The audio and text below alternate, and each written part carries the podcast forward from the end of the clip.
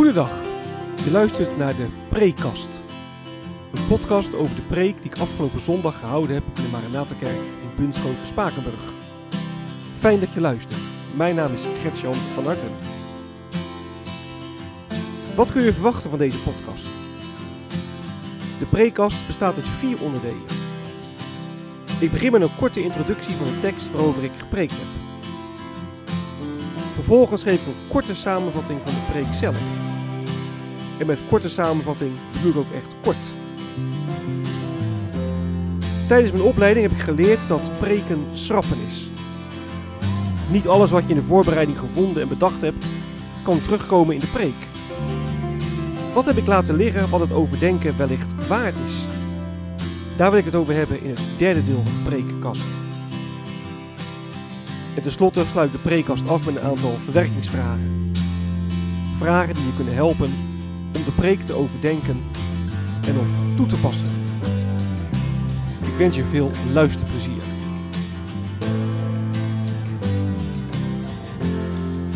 De tekst.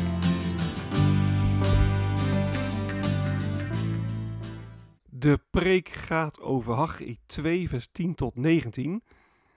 En het is de tweede preek in een korte prekenserie over het boek Haggai. Vorige week heb ik over Haggai 1 gepreekt. En ik hoop bij leven en welzijn volgende week zondag te preken over Haggai 2 vanaf vers 20. Dat betekent dat ik het uh, gedeelte van Haggai 2 vers 1 tot 9 in deze prekenserie oversla. En dat heeft eigenlijk een tweetal redenen. Ik heb uh, drie zondagen de tijd om over het boek Haggai te preken, dus ik moest de stof van dit Bijbelboek in drieën knippen. Stel dat ik vier zondagen de tijd had, dan had ik het makkelijk in vier kunnen verdelen. Dan had ik Haggai 2 vers 1 tot 9 wel mee kunnen nemen. Maar goed, nu uh, had ik dus maar drie zondagen, dus ik moest één gedeelte laten liggen. En er komt dan bij dat mijn collega Jan Meijer vorig jaar juni gepreekt heeft over Ezra 3. En wat we in Ezra 3 lezen, dat komt overeen met wat staat in Haggai 2 vers 1 tot 9. Dus inhoudelijk is dat vorig jaar juni al uh, bepreekt. Haggai 2, vers 10 tot 19 dus. We lezen daar dat Haggai twee vragen stelt aan de priesters. Hij zegt nou stel nou dat je offervlees in je slip van je jas meedraagt en je raakt met je jas bepaald voedsel aan. Wordt dat voedsel dan ook rein omdat nou, dat offervlees ook rein is? En dan zeggen de priesters nee, dat is niet het geval. En dan vraagt Haggai Vertel nou dat je een, een lijk aanraakt. Hè, dan ben je onrein. En als je dan vervolgens voedsel aanraakt, wordt dat voedsel dan ook onrein? En dan luidt het antwoord ja. En dan lezen we in uh, vers 14. Daarop zei Haggai, zo is het ook met deze mensen, spreekt de Heer. Zo is het in mijn ogen gesteld met heel dit volk. En zo is het ook met de vruchten van hun arbeid. Alles wat ze offeren is onrein. Maar, zegt Haggai dan, let op, er gaat vanaf vandaag iets veranderen. Markeer deze dag in je agenda, want er gaan grote dingen gebeuren. Ik ga, ik ga jullie, de Heer gaat jullie vanaf nu zegenen. Jullie hadden te maken met misoogsten, vanwege korenbrand, mildauw, hagel, he, staat er in vers 17. Maar vanaf vandaag zal daar verandering in komen. Oké, het klopt, zegt vers 19. Het zaad ligt nog in de schuur, het is nog niet gezaaid. De wijnstok en de vijgenboom, de granaatappel en de olijfolie, olijfboom, sorry, hebben nog geen vrucht gedragen. Maar vanaf vandaag zal ik mijn volk zegenen. Haggai 2, vers 10 tot 19. De preek.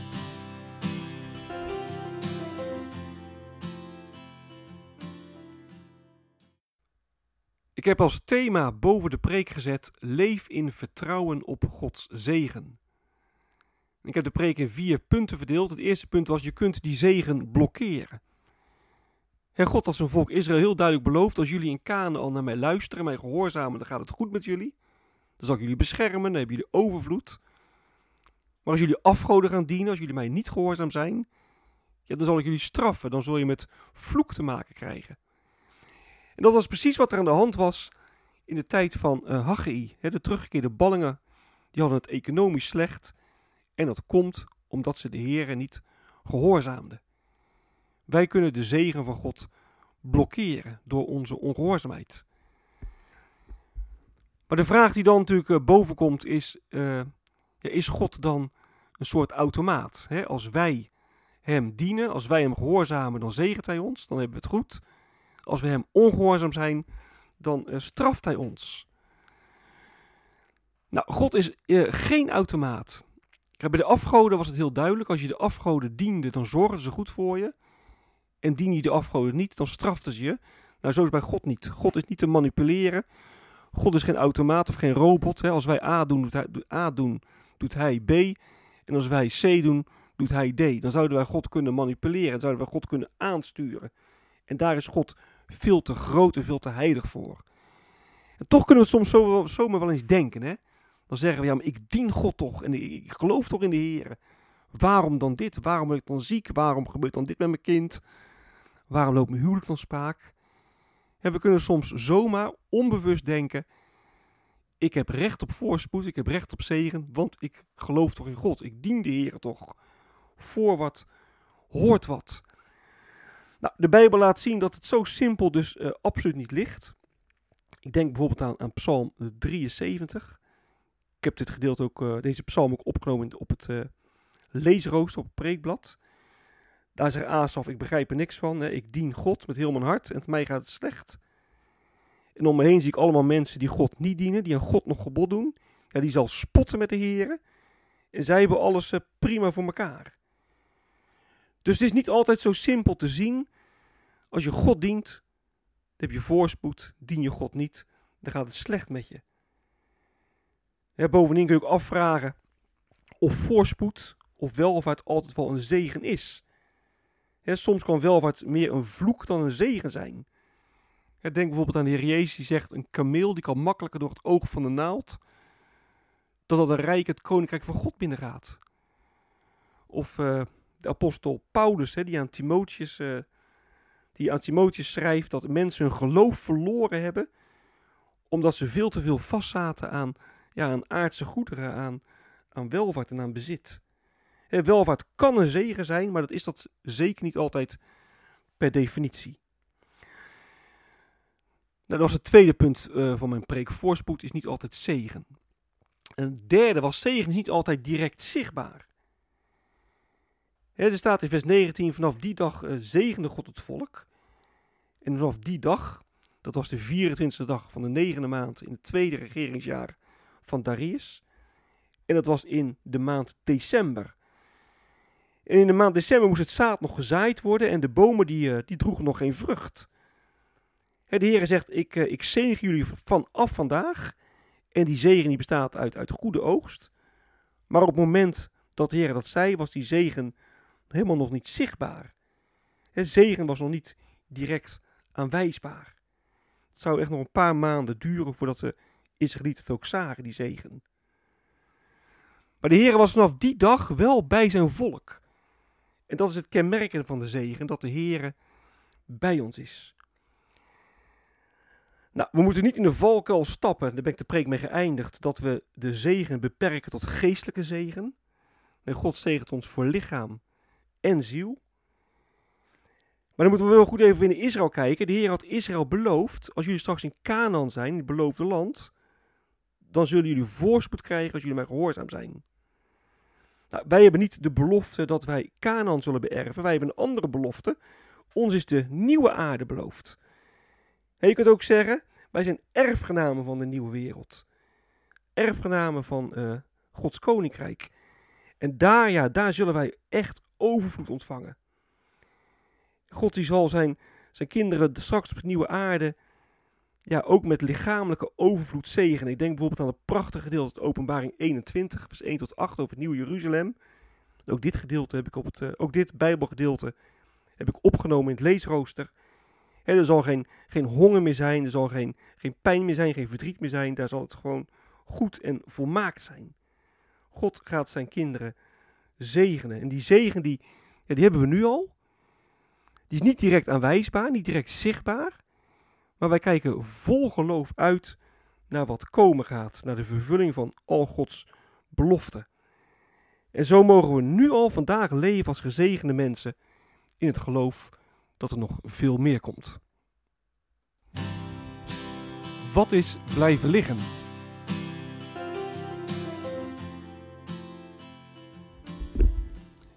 Ik wil dit keer aandacht vragen voor twee zaken die in uh, de preek niet aan de orde zijn gekomen, of, of, of, heel kort aan de orde zijn gekomen.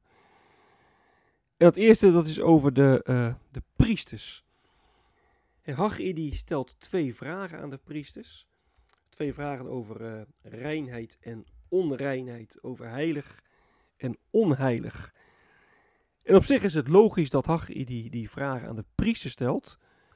Want Leviticus 10 geeft aan dat priesters mensen waren die het onderscheid moesten kennen tussen rein en onrein en tussen heiligheid en onheiligheid.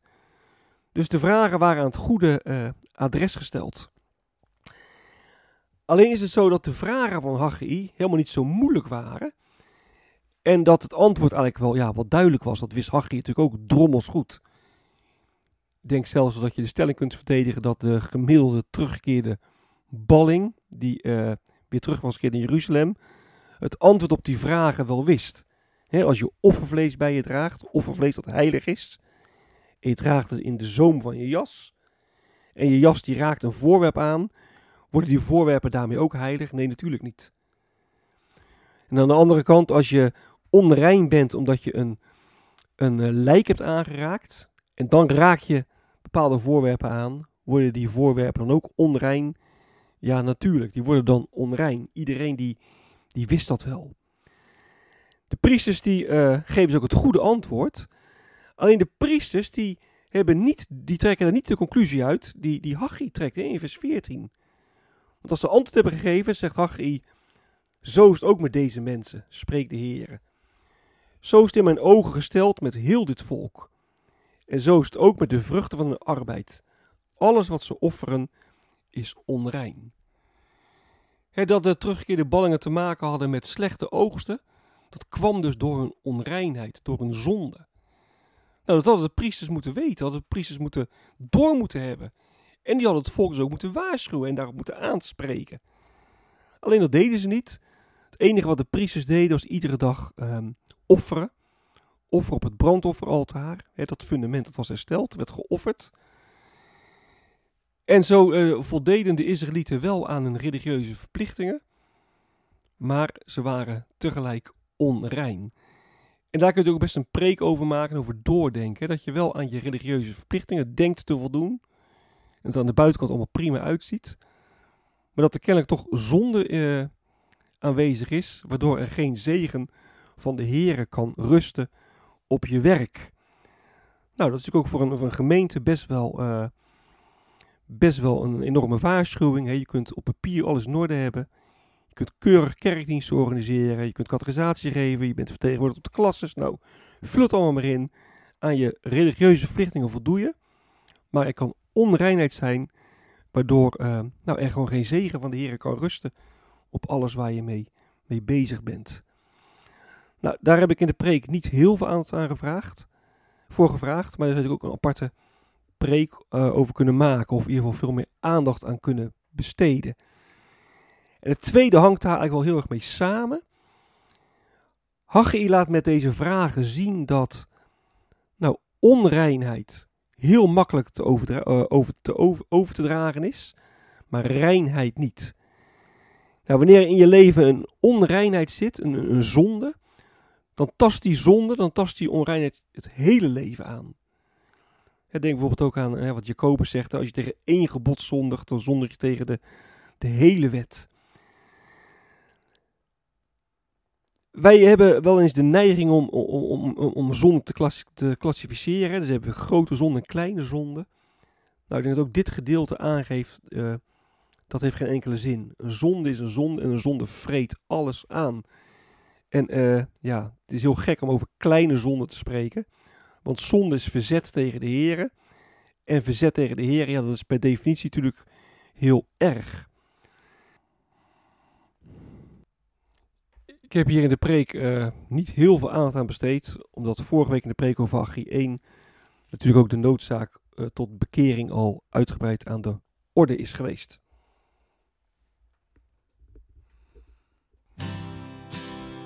Verwerkingsvragen.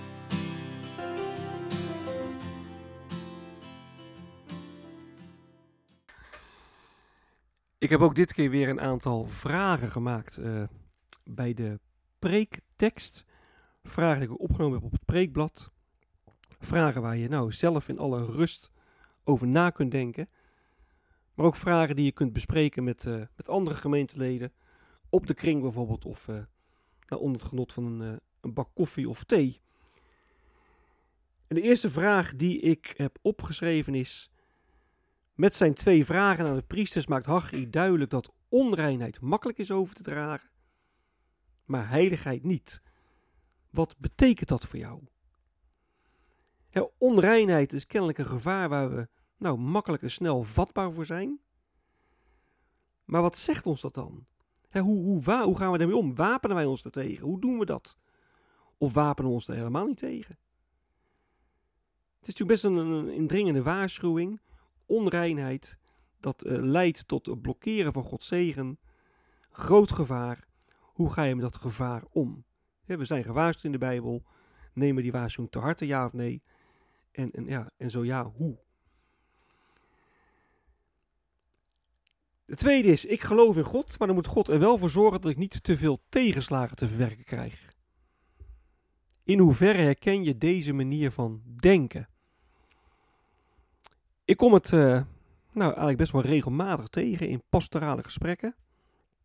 Dat mensen uh, ja, min of meer vertwijfeld zeggen: Ik begrijp er niks van, ik ga naar de kerk, ik bid, ik uh, dien de Heer, ik, ik, wil echt van God leven.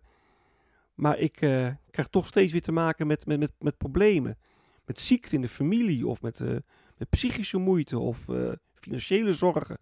Hoe kan dat nou? Nou, is dit eigenlijk niet ten diepste een manier van, een, heidense manier van denken over God? Nou, de heiden die dachten het ook. Hè? Als ik de afgod, de afgod dien en eer, dan moet die afgod mij zegenen voor wat hoort wat. Nou, reageren wij ook niet vaak zo richting de heren. Nou, daar kun je natuurlijk goed over. Ook het is zo goed om daar eens over uh, na te denken, om of daarover door te spreken, in hoeverre je dat wel of niet herkent. Een derde vraag die ik heb opgeschreven is: in hoeverre voel jij je wel of niet gezegend door God? En kun je er ook uh, voorbeelden, kun je ook voorbeelden bedenken uit je leven dat je wel of niet door de Heer uh, gezegend wordt. De laatste vraag die ik heb opgeschreven is: hoe zou je Gods zegen uh, definiëren? we hebben een preek gehad over Gods zegen. We krijgen Gods zegen altijd aan het einde van iedere kerkdienst. Maar als je nou een definitie moet geven van, van Gods zegen, hoe zou je dat dan omschrijven?